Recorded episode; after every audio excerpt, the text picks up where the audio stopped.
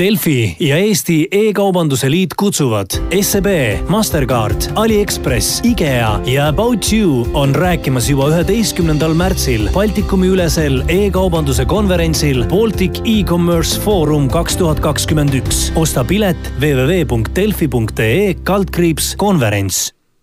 tere tulemast kuulama Balti e-kommerts Foorumi podcasti teemal, mis huvi on küberkurjategijatel andmeid varastada meie tänased saatekülalised on Andres Ojaveer, advokaadibüroo Hedman partnerid andmekaitseekspert. tere! ning Helen Evert, Easy kindlustusmaakler. tervist! ja saadet juhib Anette Ustal, SEB Innovatsioonikeskuse juht. tänases saates tuleb juttu sellest, miks andmevargusi toime pannakse, millistel ettevõtetel on üldse sellised andmed, mis kurjategijatele huvi pakuvad, kuidas mõõta andmelekke mõju ulatust ning millisel viisil enda ettevõttes andmeid võimalikult hästi kaitsta. Äh, ja alustame siis äh, algusest, et äh, missugune on Hedman partnerite varasem kokkupuude kogu selle andmekaitse valdkonna teemaga seoses? no advokaadibüroona on tihti ikkagi see, et kui midagi on väga kehvasti, siis otsitakse abi, eks. Õnneks, õnneks päris nii ei ole, et äh, on väga palju teadlikke ja ettevaatavaid äh, ettevõtteid, kes ikkagi otsivad abi juba enne, et ennast selliste mm, halbade situatsioonide vastu kuidagi, kuidagi kaitsta ja läbi mõelda oma tegevused, aga aga loomulikult meil on piisavalt palju neid juhtumeid, kui kas on toimunud küberintsident, kas on äh, midagi konkreetselt isikuandmetega juhtunud, kaotsi läinud, avalikuks tulnud, et siis otsitakse ikkagi sellist äh, nii õiguslikku kui võib-olla ka siis korralduslikku tuge, et mis nüüd edasi teha, et seda, seda ikka aeg-ajalt tuleb ette meil, jah. seda on rõõm kuulda, et ettevõtted juba sellele ettevaatavalt mõtlevad ja, ja Helen, sinuga rääkisime siin nüüd ennist äh, kaugtööl olevate töötajate küberturvalisuse teemadel ja võib-olla nüüd siis ka paar sõna sinult, et äh, kuidas teil ISIS selle andmekaitse teemaga kokkupuude on? No esiteks äh, me peame ise väga vaatama, et meie enda klientide ja töötajate info ja andmed kusagile ei kaoks ega lekiks,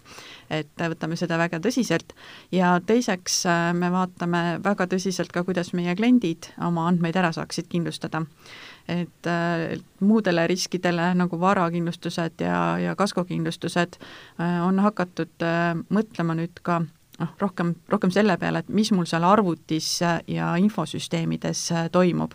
et kas ma saan neid andmeid ka ära ka kindlustada, mis mul on, sest et äh, kui äh, arvuti maha kukub ja seal on andmed sees, siis see tavaliselt varakindlustuse juhtum ei ole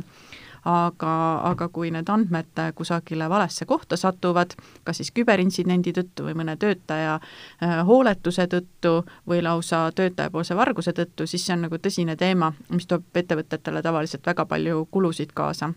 Ja õnneks on jah, selle peale hakatud nagu mõtlema, et kuidas seda kõike ära kaardistada, et seal kasutatakse väga palju kas autor, audiitorbüroode või ka advokaadibüroode abi, aga ka just see, et äh, mida ma nagu siis teen, kui midagi tõsiselt äh, juba juhtub, millised on nagu kulud, et, et seda nagu enam. et äh, võingi kohe näiteks tuua näite, et kui ühe inimese näiteks kui sina oled Easy klient, sinu andmed nagu lekivad, siis sellega kaasnev läheb ettevõttele ehk siis Easy'le maksma keskmiselt siin sada viiskümmend eurot või dollarit et, et nii on need suuremad andmelekked nagu näidanud. võib-olla siin meie piirkonnas saame natukene odavamalt hakkama, aga, aga üldiselt jah, oleneb, et millised andmed on kaduma läinud, milliseid tegevusi tuleb teha, et, et lihtsalt see võib olla väga kulukas ja, ja teatavasti andmed siis tõesti, nad isegi niisama ei leki, aga enamasti võidakse neid näiteks üritada ka varastada et siit mul tekibki küsimus, et miks üldse ja milliseid andmeid siis äh, varastatakse? no miks varastatakse, on ikka sellepärast, et nendega raha teha et, äh, et kas siis nagu otseselt, äh, noh näiteks on ka väga palju juba neid lunavararünnakuid, kus ei nõuta ainult Bitcoinides lunaraha tasumist, vaid ähvardatakse andmete lekitamisega. ehk siis enne seda rünnakut on andmed juba kopeeritud. ehk siis andmetest on saanud nagu väga kõva valuuta nagu igatepidi. ja noh, neid andmeid võidakse nagu kuritegelikult kasutada noh, väga mitmel eesmärgil, et enamasti ongi, et see noh, sinu meelest või tavalise inimese meelest nagu lihtne kasutajanimi parool, eks ole, mõtled, et mida see nagu ikka teha võib, aga Äh, neid kasutatakse näiteks õngitsuskirjade läbiviimiseks äh, ja, ja igasuguse spämmi saatmiseks, selle spämm võib olla nii ohutu, seda me juba oskame võib-olla vältida või, või mitte nagu selle peale reageerida, aga jah, hullem on, hullem on, kui, kui seda emaili aadressi näiteks kasutatakse järgmise kuriteo toimepanemiseks. Ja, ja kes seda teevad, noh, ütleme niimoodi, et võib-olla need inimesed, kes töötavad seal sektoris, sest et see küberkuritege-, tegevust võib juba ka eraldi majandussektoriks siin nimetada, väidetavalt pidi see olema lausa, kui me kõiki majandussektorit arvesse võtame, nii-öelda kolmanda, suuruselt kolmanda käibega nii-öelda majandussektor, kui me võtaksime seda. nii et äh, jah, noh, siit võime järeldada, et seal toimetab väga palju inimesi, võib-olla paljud nendest töötajatest isegi seal ei saa aru, et nad äh, midagi valesti teevad, kes neid andmeid nii-öelda kasutavad, edasi müüvad või toimetavad nendega aga, aga jah, küberkuritegelikud ühendused on need, kes neid andmeid enamasti varastavad, aga selleks võib ka olla oma töötaja, kes on seda teinud näiteks sellel põhjusel, et et ta tahab äh, järgmises töökohas näiteks neid andmeid kasutada, näiteks klientide andmeid selleks, et oma müügitööd teha, äh, ja võib olla ka lihtsalt mingisugune tehniline tõrge või probleem, miks äh, need andmed lekivad, no näiteks on siin tulnud selliseid Mm, noh, juhtumeid äh, avalikuks, kus äh, need andmed ongi lihtsalt internetist põhimõtteliselt leitavad olnud, et need ei ole piisavalt kaitstud, et, et siis nagu tehnilised äh, meetmed. ehk et seal ei pruugi üldse ühegi küber, küberkurjategija tegevus taga olla. aga see on noh, samamoodi nii, siis kui me nagu kindlustuse vaatesse lähme, samamoodi noh, on see kindlustusega kaitstav, et ei pea ilmtingimata olema küberkurjategija kaval näpp seal taga ja, ja kui te nüüd vaatate, siis äh, kuidas te näete seda isikuandmete töötlemise ja hoiustamise vajadusega seotud arenguid pikemas äh, perspektiivis, et kas näiteks äh, ja kas ka see GDPR-i regulatsiooni selline nõue ja selle rakendamine on muutnud kuidagi seda andmete hoiustamist ka turvalisemaks meie jaoks? no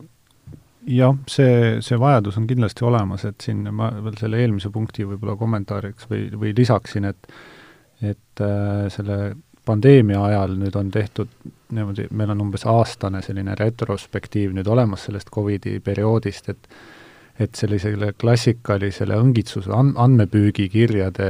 meeletu kasv on olnud see, mis äh, on, on hakanud nagu näitama oma sellist äh, äh noh, siin räägitakse isegi kuni seitsmesajaprotsendilisest tõusust äh, ühes kuus äh, maailmas saadetavatele andmeõngitsuskirjadele, mis saadetakse ettevõtetele ja isikutele. ja näiteks Google'i statistika ütleb, et nad blokeerivad äh, ühes päevas umbes sada miljonit andmeõngitsuskirja, mis on nii-öelda petukirjad, kus ettevõte või inimene kas annaks oma andmeid või teeks makse, mida ta tegelikult tegema ei pea ja, ja see on läinud selle pandeemia ajalust seetõttu, et inimesed, inimesed on võib-olla hirmul rohkem, neile pakutakse mingit abi, tuge, kuni selleni välja, et osta vaktsiini kuskilt althõlma, eks ole, aga tee ettemakse, ja see on, see on tohutult lä-, kasvanud nüüd just selle viimase aasta jooksul, on selline spetsiifiliselt just andmeõngitsused. et selles mõttes tasub ikkagi ka nii ettevõtetel kui kui, kui äh, kõikidel inimestel Äh, ükskõik, mis kiri teile saadetakse, kus öeldakse, palun sisesta oma andmed või palun tee ülekanne, äh, siis tuleks korraks aeg maha võtta ja mõelda, kas see on seotud millegiga, mida ma üldse igapäevaselt teen või kust tuli mingisugune makse äh, teemadel, millega ma ei ole kunagi tegelenud, eks ole, ja ettevõtetel noh, mängitakse selle tähelepanu hajumise peale, eks. Äh, ja, ja, ja lausa, ja lausa nii-öelda nagu genereeritakse siis ka selliseid just nagu ettevõttesiseselt saadetuid kirju. et ole hea, anna mulle oma panga, panga info, et ma tahan sulle, ma ei tea, mingi palgalisa maksta või midagi, just nagu oleks tulnud personaliosakonnast kiri sulle, eks, et, et need äh, lähevad aina iga päevaga aina osa, osavamaks ja paremaks, et see on, see on selline viimase aja trend, äh, eriti kõva tõus. aga aga mis puutub jah, sellesse, et äh, andmeid kaitsta ja, ja, ja tulevikku vaadata, siis äh, täiesti nõus, et äh, igal eraisikul on, on loomulikult selline normaalne hügieen peaks olema ka, ka, ka internetis ja kübermaailmas. et äh, kustutada andmeid, mida vaja ei ole, nii edasi, aga ettevõtetel on see eriti oluline just seetõttu, et äh, sageli ettevõtted äh, hoiavad, omavad, haldavad, kasutavad, teenivad selle pealt öö, oma ärikasumeid, just oma eraklientide andmeid. ja, ja seal on see mitte lihtsalt soovituslik või noh, seal ei saa öelda, et kui oled ise hooletu, siis saad vastu näppe, eks ole, vaid seal on see seadusega, seesama see GDPR, mis sa mainisid, et, et see on pandud täiesti kohustuseks, et äh, sa ei saa, sa ei saa nagu otsustada, et kas ma tahan oma klientide andmeid kaitsta või mitte, kui sa seda ei tee, sa rikud konkreetselt seadust, see on väga karmilt käsile võetud Euroopa Liidus, aga samas Euroopa Liit on siin ka selline suunanäitaja ja ülejäänud maailm tiksub vaikselt järgi, et, et õige pea me saame tõenäoliselt näha privaatsusreeglite nagu siis tohutule tekkimisele üle terve maakera, et, et see, see on tõenäoliselt selline periood praegu, kus me oleme, et midagi tuleb ette võtta seetõttu, et lihtsalt ta on liiga selline nagu, nagu öeldakse, metsik lääs olnud liiga pikalt, see andmete töötlemise juriidiline keskkond. Kas nüüd igal ettevõttel on üldse piisavalt andmeid ja, ja, ja eriti just noh, okei okay,, me saime aru, et neid andmeid on piisavalt, need tekivad hästi kergesti, aga just selliseid, mis kurjategijatele huvi võiksid pakkuda, et millega annab nagu kurjategijatele pakuvad igasugused andmed huvi, alates, eks ole, inimeste nimedest e, emailidest, äh, kõige parem on veel, kui saaks mõned krediitkaardi andmed kusagilt e-poest kätte, aga selleks võib olla ka noh, tõesti mõne üksiku näiteks ettevõtte juhi äh, kontaktandmed äh, või meilivahetus, noh, on nagu väga palju erinevaid põhjuseid, miks neid andmeid nagu tahetakse et, et seesama noh, üks link mõnele, ma ei tea, personalijuhile võib kurjategija jaoks tähendada seda, et ta saab lihtsa vaevaga kõikidele ettevõtte andmetele nagu ligi, eks ole, et miks nagu ka selle ühe esimese emaili õngitsemine ja kasutajanime õngitsemine võib nagu olla väga oluline, et miks seda nagu proovitakse eks ole, et kui nagu ettevõttesse noh, saadetakse näiteks noh, mingi kahtlane lingiga email ja mõnigi inimene on nagu nii os-, nagu tähelepanematu, et sellele nagu klikib, siis äh, see on oht nagu tervele ettevõttele. ehk siis, kui sul on väga suur kliendibaas, siis äh, võibki olla see üks tähelepanumatu töötaja, anda ligipääsu kõigile sellele. Nii et, et see võib nagu väga jah, sõltuda, et kui sinu noh, emaili vahetus näiteks on, sisaldab sellist olulist infot, siis loomulikult ka kurjategija on sellest huvitatud ja, ja ka jah, andmed, andmed kui sellised, kurjategijate huvitav, mis kujul need on või kui palju neid on, et peamine ligi saab, et isegi noh, täna on näiteks meditsiini eh, andmed, eks ole, väga selles mõttes kuum kaup eh, mustal turul ja, ja ka näiteks haridusasutused, kellel on väga palju andmeid just nagu nii-öelda noorema põlvkonna osas, kes on nii-öelda nende tulevased ohvrid võib-olla, et võib-olla isegi mitte täna nad ei kanna raha, aga kahe aasta pärast, kolme aasta pärast et, et need on nagu ka sellised, keda nagu, kui me sektoritest nagu toome välja, et keda nagu sihitakse. ja, ja tegelikult ju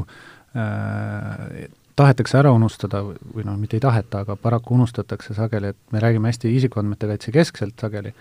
aga, aga ettevõtete jaoks äh,, rääkimata riigiasutustest, aga ettevõtete jaoks eriti ka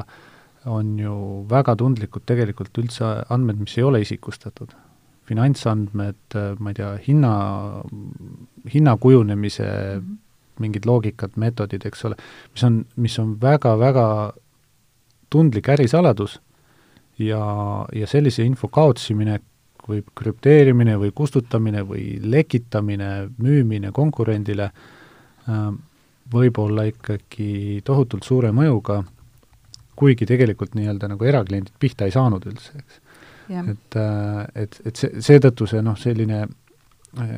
küberhügieen või infoturbe tervik peab olema ikkagi kõikehõlmav, et äh, isikuandmed on eriregulatsiooni all, aga see ei tähenda, et ärisaladus võiks nagu hooletult niimoodi sahtli, sahtlipõhjas olla. jah, et ei saa niimoodi öelda, et äh, ma olen tootmisettevõte ja minu kliendid on ainult ärikliendid, et äh, mind see andmekaitse ei puuduta,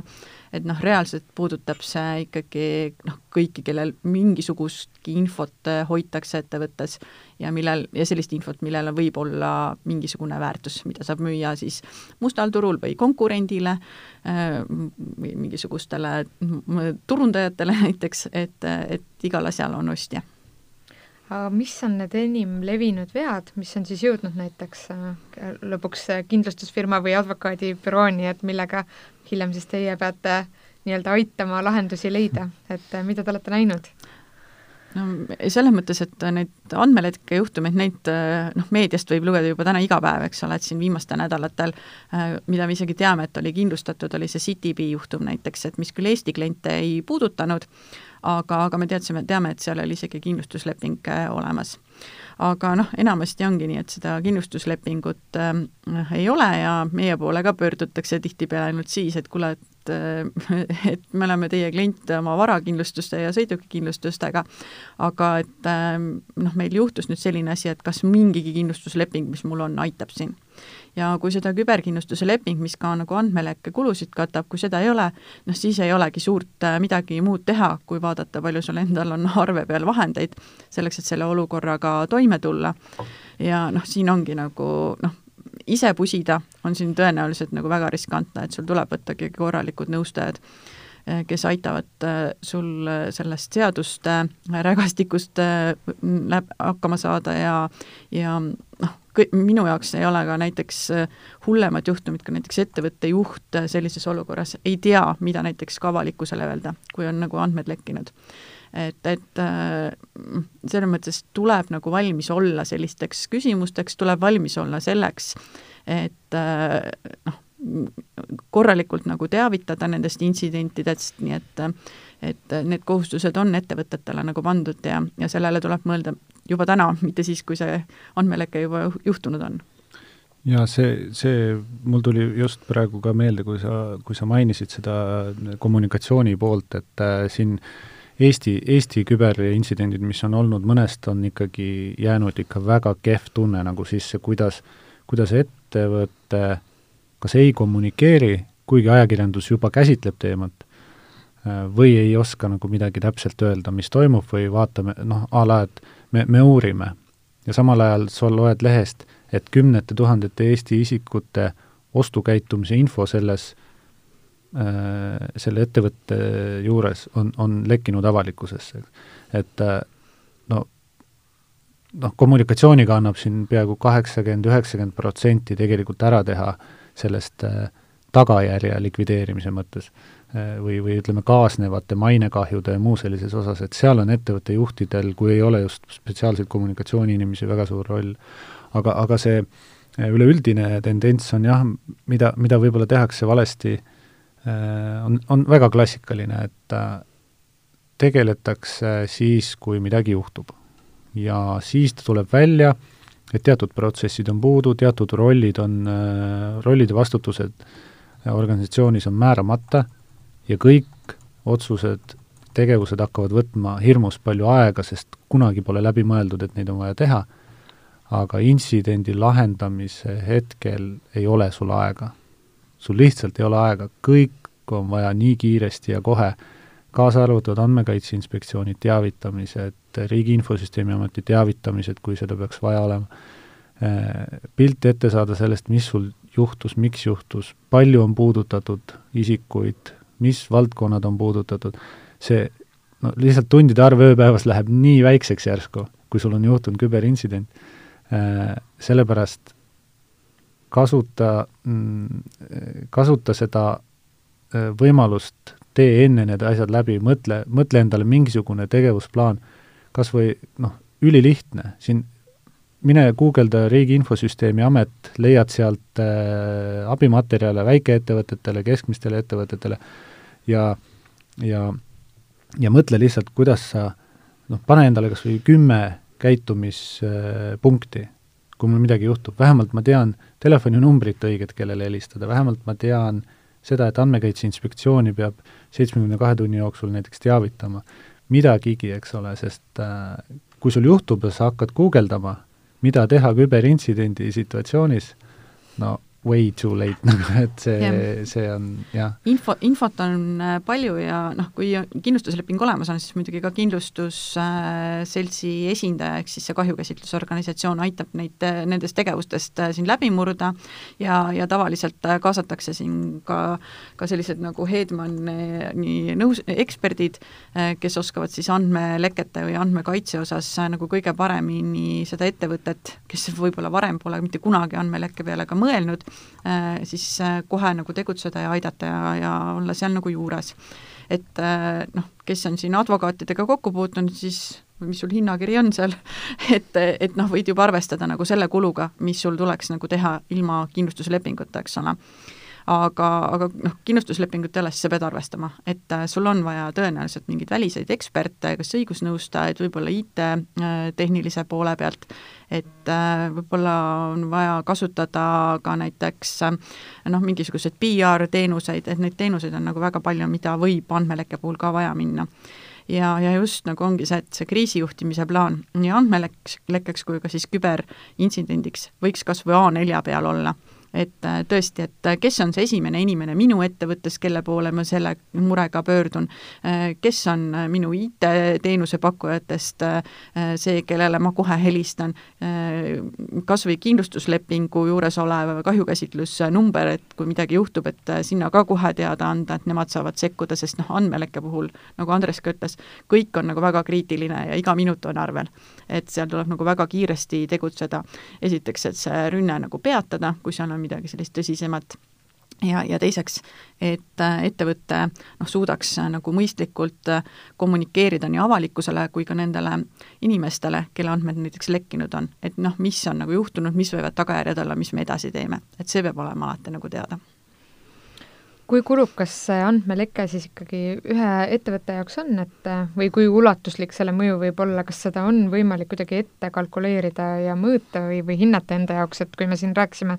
et tagantjärgi selle kiire likvideerimine võib olla väga kulukas ja, ja sa siin mainisid ka advokaatide tunnihindasi, siis et, et tekiks nagu ka see ettekujutus või võrdlusmoment, et mida ma saan teha ja kui palju see mul maksma läheb, et seda asja korralikult ennetada ja, ja, ja palju see mul tegelikult tagantjärgi võib maksma minna, et kuidas neid asju arvutatakse? no see ongi noh, need, need ettevõtted, kes on tegelenud nende küberintsidentide või siis andmelekete lahendamisega, et nendel on väga hea arusaam sellest. et, et seda infot äh, suuremad äh, ettevõtted ja kahjukäsitlusorganisatsioonid ka nagu jagavad ja see olenebki puhtalt andmete no, hulgast ja sellest, et millised andmed nagu lekkisid. Et noh, näiteks e-kaubanduse puhul või e-kaupluse puhul äh, kui kogutakse päris palju krediitkandmeid, noh, mida võib-olla Eestis nii palju ei tehta, aga kui te kasu-, teenindate ka kliente väljaspoolt, näiteks ma ei tea, Ameerikast ja see, teil on seal krediitkaardi andmed, siis äh, need kulud järjest äh, põhimõtteliselt kasvavad. no ütlevadki, et keskmiselt see on mingi sada viiskümmend eurot ühe siis andmesubjekti ehk siis ühe selle inimese kohta, kes, kelle andmed nagu lekkisid sest noh, kui me USA-s hakkame krediidimonitooringut tegema, mis seal on inimestele nagu põhimõtteliselt elutähtis selleks, et nad saaksid järgmist krediitkaarti või laenu taotleda, siis äh, see on nagu väga oluline, et, äh, et seda nagu jälgitakse ja vajadusele kiiresti reageeritakse. aga selle, selle raha sees nüüd äh, jäetakse ikkagi vist üsna tahaplaanile see, see ülejäänud mainekahju sinna juurde veel, eks? Jah, see sinna juurde, see, see mainekahju tõenäoliselt on nagu mõõdetamatu, et jah, et kui sa müüd usaldusteenuseid nagu finantsteenused või mm., või muud noh, tervishoid, et kui, kui on ikkagi konkur-, konkurents turul olemas ja minu andmetega on ikka midagi väga koledat juhtunud, mul on, või vähemasti peaks olema suhteliselt lihtne äh, lihtsalt nii-öelda hääletada jalgadega ja minna konkurendi juurde, kes võib-olla näeb rohkem vaeva selle, selle nimel. ja, ja see, see tegelikult kulu, eks ole, tuleks sinna veel liita jah, see kindlasti, noh, küberkindlustuse lepingud üldiselt isegi arvestavad äh, mingil määral nagu sellega, et sul ongi noh, põhimõtteliselt nagu äh, äri vähenemise kahju ka nagu kindlustatud, sest et, et noh, nii on, et ükskõik, mis sorti küberrünne sul on, siis noh, mingi märk internetti jääb alati maha, eks ole, et, et noh, näiteks, et CityBiga on, eks ole, juhtunud või siis Yandexiga on nagu juhtunud, et äkki noh, ma siis nagu ei, et noh, mõtlen enne, kui ma nende klient tahan olla, on ju ja, ja see klientide vähenemise oht on nagu väga suure tõenäosusega, et noh, et number üks ongi, eks ole, mis läheb, on rahaline kulu, teiseks äh, on siis see mainekahju, kliendid kaovad, et noh, see kõik käib nagu kaasas selliste, selliste intsidentidega. kuigi noh, ei välista, et kui mõni ettevõte saab väga hästi hakkama selle intsidendi või kriisi juhtimisega, et siis see pigem näitab neid võib-olla heas valguses, eks ole, sest et need ettevõtted tavaliselt, kellel midagi juhtunud on, need nagu väga varmad on selle asja nagu kordategemisega ka et pärast on nendes ettevõtetes see küberturvalisus ja andmekaitse kindlasti paremal tasemel kui enne intsidenti. ma, ma ise ei ole küll in, nii-öelda infoturbe inimene, eks ole, taustalt, aga aga kokku puutunud päris palju sellega ja ja infoturbe inimestel on ikka see nali, eks, et kui tahad eelarvet, siis, eh, siis peab, peab lootma, et midagi lendab õhku. et siis, siis hakkab, siis hakkab juhtkond alles mõtlema, et pagan, vist ongi vaja tegeleda. jah, no kindlustuse poolelt näed seda, seda noh, täpselt siis, kui klient helistab, et mul nüüd on juhtunud, aga mul ei ole ühtegi kindlustuslepingut, mis seda kataks, eks. et, et noh, ütleme, ütleme niimoodi, et see ei, on pigem nagu selline, mõttes nagu igakuine selline vestlus nii mõnegi kliendiga, et, et seda,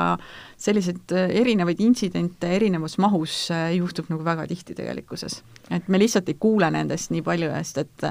ikka noh, täna on see, et me ikkagi häbeneme rääkida, mis on nagu juhtunud ja no loomulikult ma ühtegi klienti ei too ju nimeliselt siin ka välja, kellel on nagu juhtunud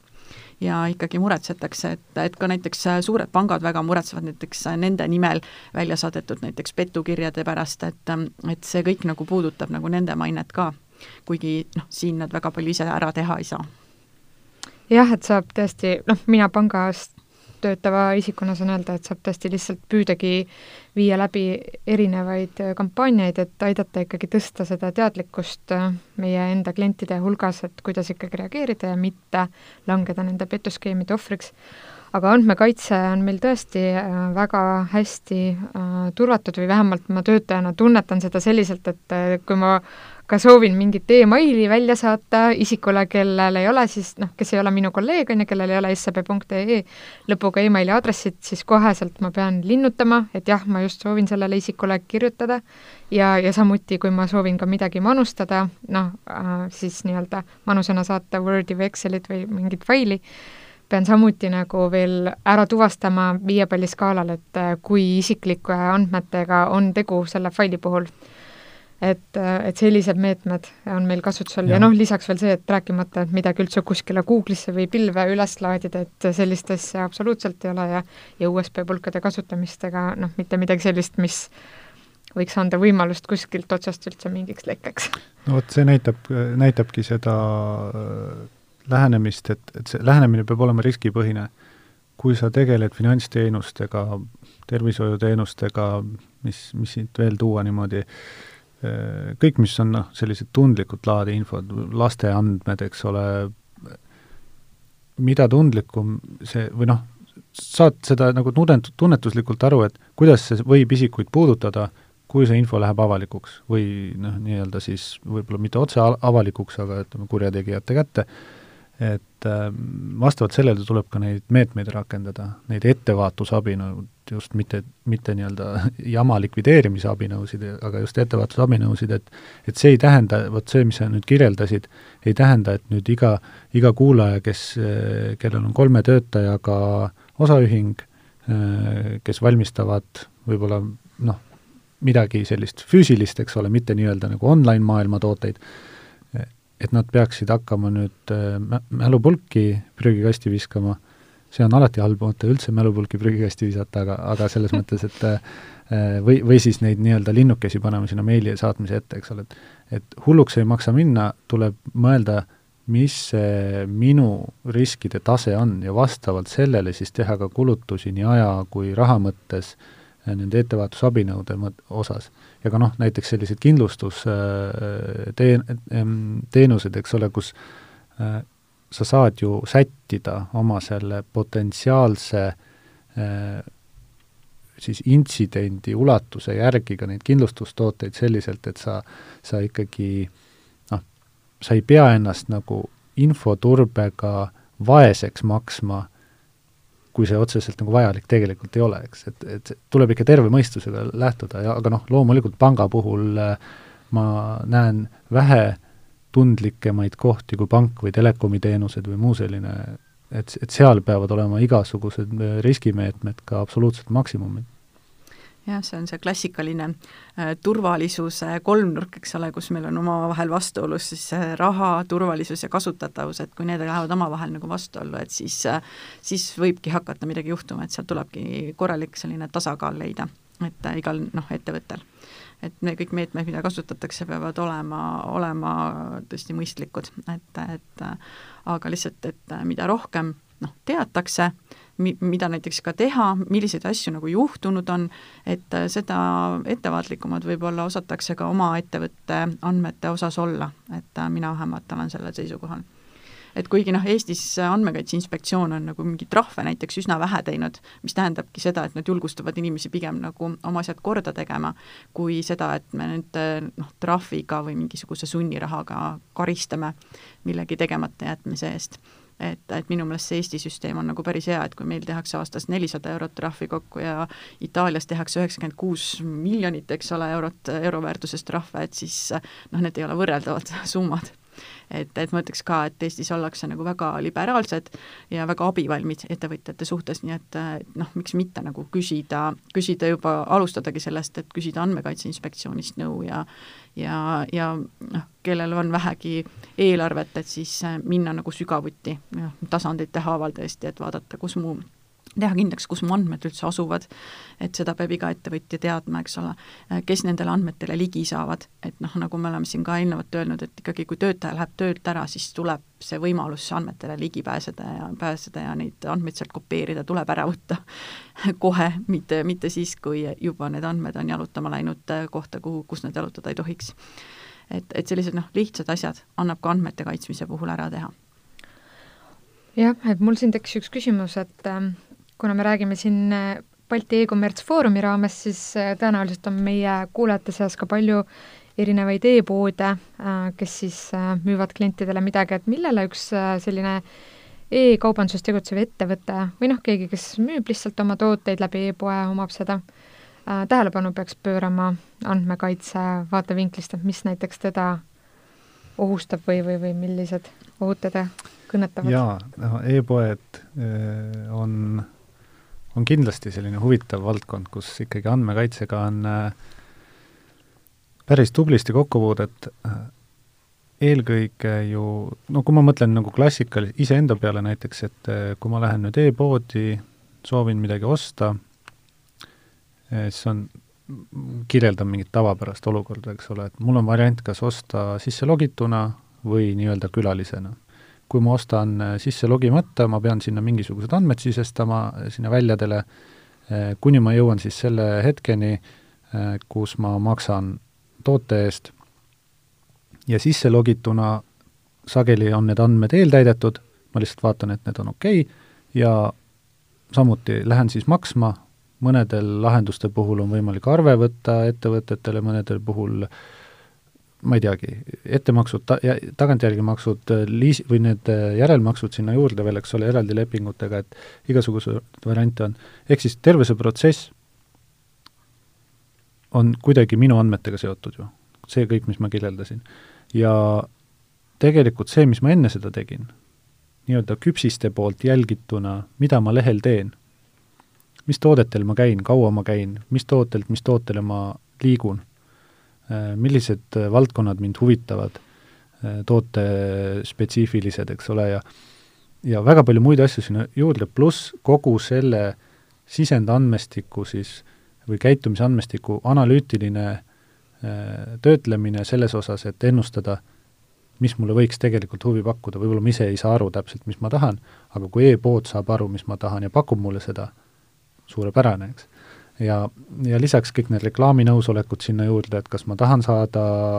e-, elektroonilist otseturundust või mitte, et andmeid küll ja veel. Ja, ja selles mõttes peaks äh, üks klassikaline e-pood või üldse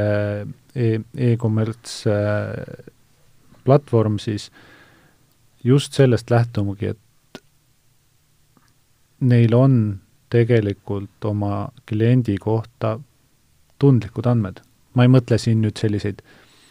eriliigilisi või delikaatseid isikuandmeid nagu terviseandmeid, mitte selles mõttes tundlikud, aga kas või see toote spetsiifika, mis minu kohta teada on, mida ma, millest ma pidevalt huvi tunnen äh,, ei pruugi olla selline, et ma tahaks, et keegi teab seda. ja, ja, ja kui see läheb avalikuks äh,, siis äh,, siis see kahju võib olla tegelikult äh, tunnetatavam selle füüsilise isiku poolt kui näiteks äh, ma ei tea, terviseandmed, eks ole, kui ma, kui mul ühtegi haigust ei ole ja minu terviseandmed lekivad, siis see kuidagi minu elu eriti ei mõjuta. Aga võib-olla e-poes käitumine võib mu mainele olla väga nagu kahjustav, eks ole, et selles mõttes tuleb mõelda ikkagi, et et, et need andmed on kaitsmist väärt, neid on palju, kui me räägime kümnetest või isegi sadadest tuhandetest püsiklientidest mõne e, e-kommertsplatvormil, siis see ulatus äh, on, on väga suur ja ja, ja seetõttu igasugused infoturbe ja andmekaitse nii-öelda eeltööd, andmete kaardistamise, planeerimise, kaitsmise, kõik see, mis me siin oleme rääkinud, on minu, minu meelest noh, täiesti, täiesti elementaarne ühe e-platvormi puhul. pluss siis, vabandust, et pluss siis veel see äh, läbipaistvus. et äh,, et ma räägin oma klientidele, mis ma su andmetega teen. et ma ei tee seda vaikselt et see koormab klienti, ma ajan siin oma äri, eks ole, tema tekitab mulle ostukäitumist ja ma siis analüüsin seda. sa pead panema kirja oma privaatsustingimustesse, teadetesse, mida sa kliendi andmetega teed, sest äh, lihtsalt nii on. E, meil on õigus teada, eks ole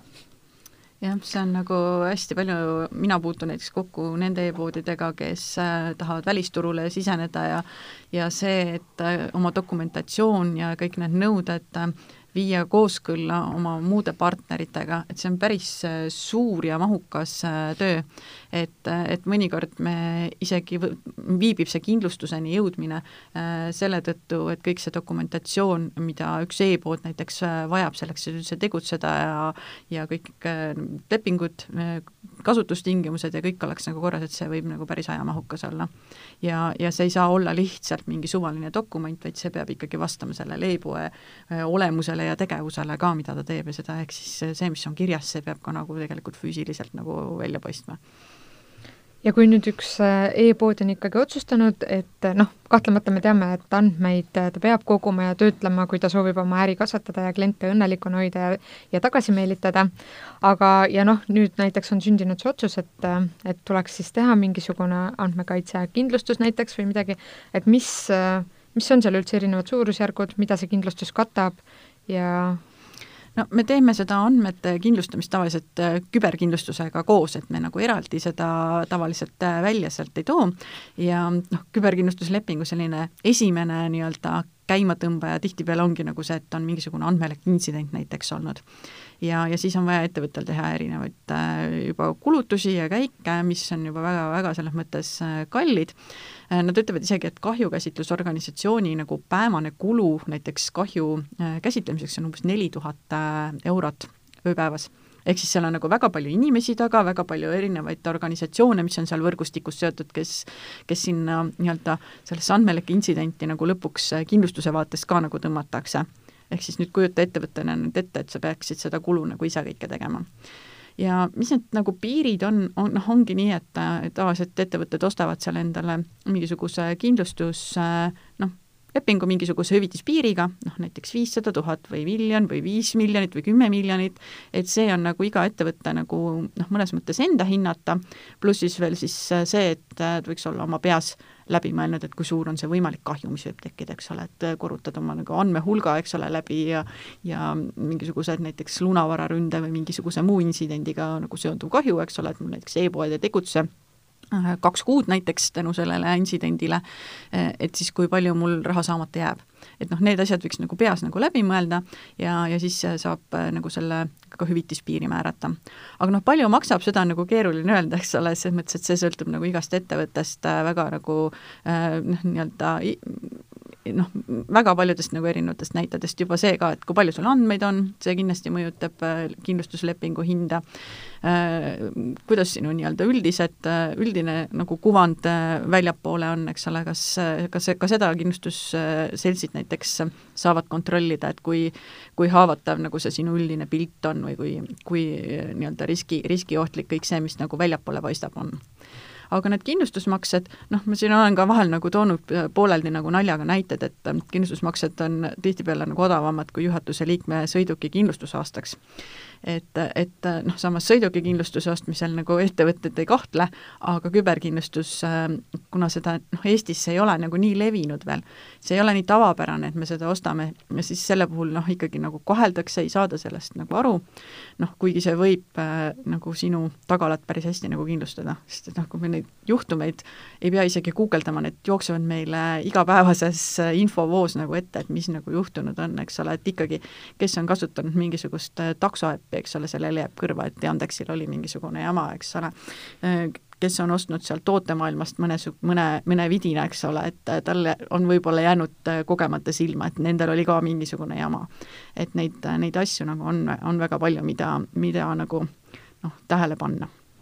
kas tulevikku vaatavalt võiks ennustada, et ka Euroopa Liit mingil hetkel kohustuslikuks teeb kindlustuse kasutamise ettevõtetele andmekaitse vallas? Äh, noh, sellised asjade kohustuslikust, kohustuslikuks tegemisest nagu räägitakse nagu väga paljudes erinevates valdkondades, et mõni kindlustusteenus on siin äh, noh, kolmkümmend aastat on räägitud, et teeme kohustuslikuks, aga seda pole nagu juhtunud. Äh, Ameerikas jah, mõnedes valdkondades või mõnedes osariikides on tegelikult küberkindlustuse omamine kohustuslik, ka Ühendkuningriikides näiteks aga noh, ma ei näe, et see oleks nagu vajalik, et pigem nagu ma näen täna seda, et see on lepinguliste suhetega reguleeritud, ehk mingi teine lepingupool näiteks nõuab, et sul oleks äh, küberkindlustuse leping olemas. Ja, ja seda, seda mm, me nägime kohe, kui me hakkasime seda küberkindlustuslahendust pakkuma, et, et sellist sellised nagu, sellise motiveeritusega ettevõtted meieni jõudsid, et meil noh, tegelikult on lepingus midagi nagu kirjas, et kuidas seda nagu kindlustada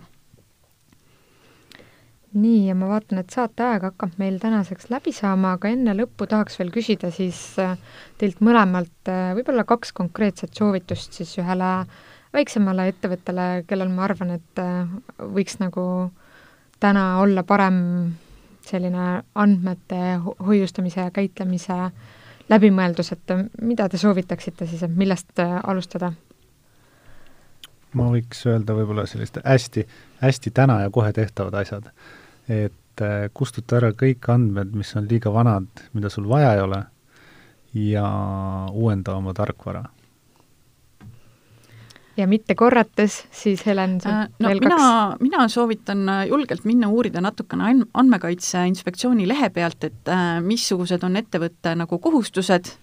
kui midagi nagu juhtub, ehk et oleks nagu olemas nagu peas niisugune kerge teadmine, et mida nagu juhtumi puhul nagu teha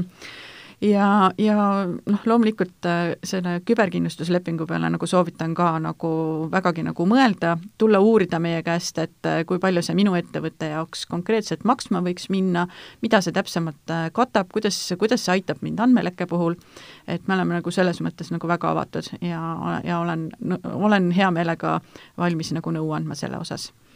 ja tõesti, saatest jäi veel kõlama see mõte ka, et, et hea kommunikatsiooniplaan või ikkagi läbi mõelda, et mis on su need nii-öelda kümme sammu, mis sa siis teed, kui asi päriselt peaks nagu või kui midagi peaks juhtuma. ja selline saigi meie tänane saade, aitäh väga põneva ja sisuka vestluse eest meie saatekülalistele Helenile ja Andresele ning ka kõigile kuulajatele ja kohtumiseni järgmisel korral! aitäh! aitäh! Delfi ja Eesti E-kaubanduse Liit kutsuvad SEB, Mastercard, Aliekspress, IKEA ja About You on rääkimas juba üheteistkümnendal märtsil Baltikumi ülesel e-kaubanduse konverentsil Baltic E-Commerce Forum kaks tuhat kakskümmend üks. osta pilet www.delfi.ee kaldkriips konverents. nii, okei okay.. kuule, väga hea oli, väga mõnus jaa jumala hea ikkagi nagu, mulle meeldisid teie lihtsad nõuanded, nagu esiteks see, et vaata üle ja kustuta ära, vaata mm. -hmm. ma proovisin tõesti... ka, ma proovisin ka mitte iga küsimuse peale öelda, tule Hedmanisse ja räägime jaa, jaa, vot see, no, mingil hetkel vaata, sa pead mm -hmm. ikka tunnetama, et kus on mm -hmm. see mhm. nagu hea maitse piir reklaami teha. ei no noh, ma ütlengi, et tegelikult on nii lihtsaid asju, vaata, mida sa saad nagu enda heaks nagu teha, aga lihtsalt noh, sa pole võib-olla tulnud selle peale lihtsalt, et neid asju teha. aga kui on juba mingid tõsisemad näiteks ikkagi mingid e-ärid, et siis äh, ma arvan, et no mina näiteks ei kujutaks ette, et ma saaksin ilma hakkama, kuigi ma, mul on ka juriidiline haridus, aga lihtsalt, et need lepingud on nii spetsiifilised ja noh, need peavad nagu ikkagi käima nagu koos selle sinu nagu tegeliku äriga, et, et seda on Need nagu on tõesti ikkagi jah, siin ma töötasin ju enne, enne seda bürood töötasin Telias ja just andmekaitse teemal ja siis äh, kui sa vaatasid nagu kas või neid Telia lepinguid, mis me siis klientidele saatsime, selleks, et äh, kui me ostsime ise näiteks allhanke korras nagu mingeid IT-teenuseid sisse, et Telia teenuseid siis pakkuda, et nad kõik pidid vastama nagu Telia standarditele andmekaitse mõttes Mhm. ja siis me saatsime nagu seal põhilepingu osa ilma lisadeta oli mingi kolmkümmend üheksa lehte või midagi sellist, lihtsalt lepingu teksti on ju, ja saadad selle, ütleme siis noh, seal koostöö oli ka näiteks viie töötajaga Eesti osaühing, kes teeb mingeid IT, noh, kirjutab koodi lihtsalt mm. mm. -hmm. Paned talle siis selle, eks ole, meili, et enne kui sa kirjutama hakkad, sa pead siia alla kirjutama. ja siis mõned ütlesid küll, et nagu mis, mis asja. Mm -hmm. ma, see ma ei os-, tähendab, mida ma alla kirjutan, ma ei suuda neid nõudeid kunagi täita, eks ole, mingi küberturvalisusnõuded seal väga kõrged, rääkimata sellest, et ma saaks aru, mis siin üldse kirjas on et noh, mingi juriidil-, et Jah. see on ja, ja suurte rahvusvaheliste äride puhul, noh, see on, ütleme, minusugused inimesed, kes iga päev ma, ma loen seda diagonaalis, ma tean, mida üks lõik ütleb, mul ei ole vaja süveneda sinna, ma tean, et see lõik on vot selle paragrahvi sinna lepingusse panemiseks, on ju, ma noh, suudan selle öelda, kuule, siit, ära siia alla kirjuta, ära siia alla kirjuta ja see on sul riskikoht. et kujutad ette, kui inimene nüüd, keegi juhatuse liige, eks ole, võtab Jah. selle vastutuse, loeb selle läbi, nüüd üritab ise sellest aru saada, et hoiab raha Mhm. kokku. kaks päeva istub selle otsas ja no selles mõttes, et siis ütleb, et ah, ma kirjutan alla, on ju, ja no pärast ongi niimoodi, et äh, tulevad seal leppetrahvid, eks ole, ja siis noh, hakatakse sinna vaatama, et kuule, see ikka ei ole nagu mit-, noh, mitte midagi nagu teinud. auditeerimiskohustused, mille sa endale see tüüpiline, IT-ettevõtte puhul näiteks mul on täitsa tüüpiline see juhus on see, et kar-, allkirjastad lepingu ära, siis küsitakse, kus see kindlustusleping on, mida seal küsitakse. ja siis on nagu see, et äh, nüüd on ruttu vaja. et äh, noh, põhimõtteliselt käib niisugune nagu tihtipeale kergelt nagu tulekahju kustutamine. osavamad on seda näinud enne õnneks, kui nad allkirja alla panevad, aga väga palju on see, et leping on allkirjastatud ja siis vaadatakse, mis on kohustused, ja siis see kindlustus maksab rohkem, kui see lepingu maht üldse on et see, seda on nagu ka juhtunud ja mitte ühe korra. et Mm. mm., et lihtsalt, et et, et tahetakse nii väga seda nagu tööd teha ja et, et lihtsalt ei süveneta. Et see. IT-ettevõtete teema minu arust on ka väga huvitav, seda võiks kunagi teha, aga jaa, ja tänapäeval ongi vaata, suurorganisatsioonid Mhm. omavahel ka üritavad ju koostööd teha, et paneme oma andmed kuidagi Mhm. veel uueks väärtuspakkumiseks kliendile. noh, ongi nii on, nii on. aga millal siis äh, saab kuulda? õhtul. jaa, nad saadavad meile Ah. nagu need meilile vist mm. -hmm. ma saan aru, et me kuulaks korraks läbi veel igaks juhuks, et kas, aga ma ei tea, kuna me ei teinud vaata mm. -hmm. mingisugust parandust mm, -hmm. ma arvan, et otseselt ei ole küll. nagu Mhm. vaja, sest ega me ei hakka ju, hakka ju muutma. Mis sealt jah, ikka välja lõigata, siis teise, teise sealt. madalama häälega räägid sinna peale veel. et siis ma arvan, et nad lükkavad üles nii väga kui võimalik, et ma ei teagi nagu, eile, eile, eile oli küll niimoodi, et minu meelest ma vaatasin, tööpäeva lõpuks, oli jah, üleval juba. et nii et ja siis äh, meil oli, minu meelest äh, meie enda turundus teeb ka mingisuguse kokkuvõtte, aga teil oli endal ka seal mingi kokkuvõte kas ma olemas? palun nüüd Kadril teha meist kolmest veel ka ühe pildi Jaa, või, sest et jaa. äh, nüüd on ikkagi üks külaline stuudios rohkem. Laurile telefoni pildile ei jäänud, Mhm. et, et teeme kutsuda jah, et las ta teeb ühe pildi või et siis teeme nagu oleks blogitööd või see Mhm. podcast Ja, ja. käiks või, siis peab Ja. klapid pähe panema klappidega oli päris jube mm. tegelikult äh, rääkida nagu isegi ei olnud nii hull, ma mäletan, kui ma ükskord raadios käisin, siis oli nagu häiris tšau, rohkem kuule, me nagu. lõpetasime. okei, nii, very good. et siis saab jah jagada. kusjuures tegelikult vaata, praegu tundub nii loomulik, et jaa, siis ma pean klapid pähe panema, aga iseenesest kui ma pilti vaatan ja ma ei ole otseselt mingi podcast'i spetsialist, siis ma nagu eeldaks, et klapid peavad peas olema, ma eeldaks, et mikrofon peab ees, ees olema. ja noh, ma ei taha ka klappe, sest eelmine kord. Ma tegin klappidega, mulle üldse ei meeldinud, tegid näo kuidagi nii pannkoogiks. aga muidugi väga ja kõik ei ole nii fotogeenilised, eks mm. aga jah, pilti peab tegema kogu aeg. jah, meil on ka, turundus käib kogu aeg, et peab kogu aeg olema mingisugune info, peab kogu aeg olema. ja teie turundus kirjutaski mulle, vaata mm, -hmm. ja ma mõtlesingi, et jaa, ma ei tohi unustada, vaata, ma lubasin, teen ja mm. -hmm. me oleme selle ärikliendi poole pealt nagu hästi aktiivseks läinud küll, et me siin mõned aastad tagasi nagu noh, mingi põlve otsas tegime ka natukene, aga aga väga palju ei jõudnud, et nüüd on neid võimalusi nagu rohkem tekkinud või ideid mm. -hmm mm. -hmm. kas sul on ka nüüd, lähed kodukontorisse või? jaa, ma pean veel korra käima meie teises kontoris siis pool tööpäeva läbi juba põhimõtteliselt, noh.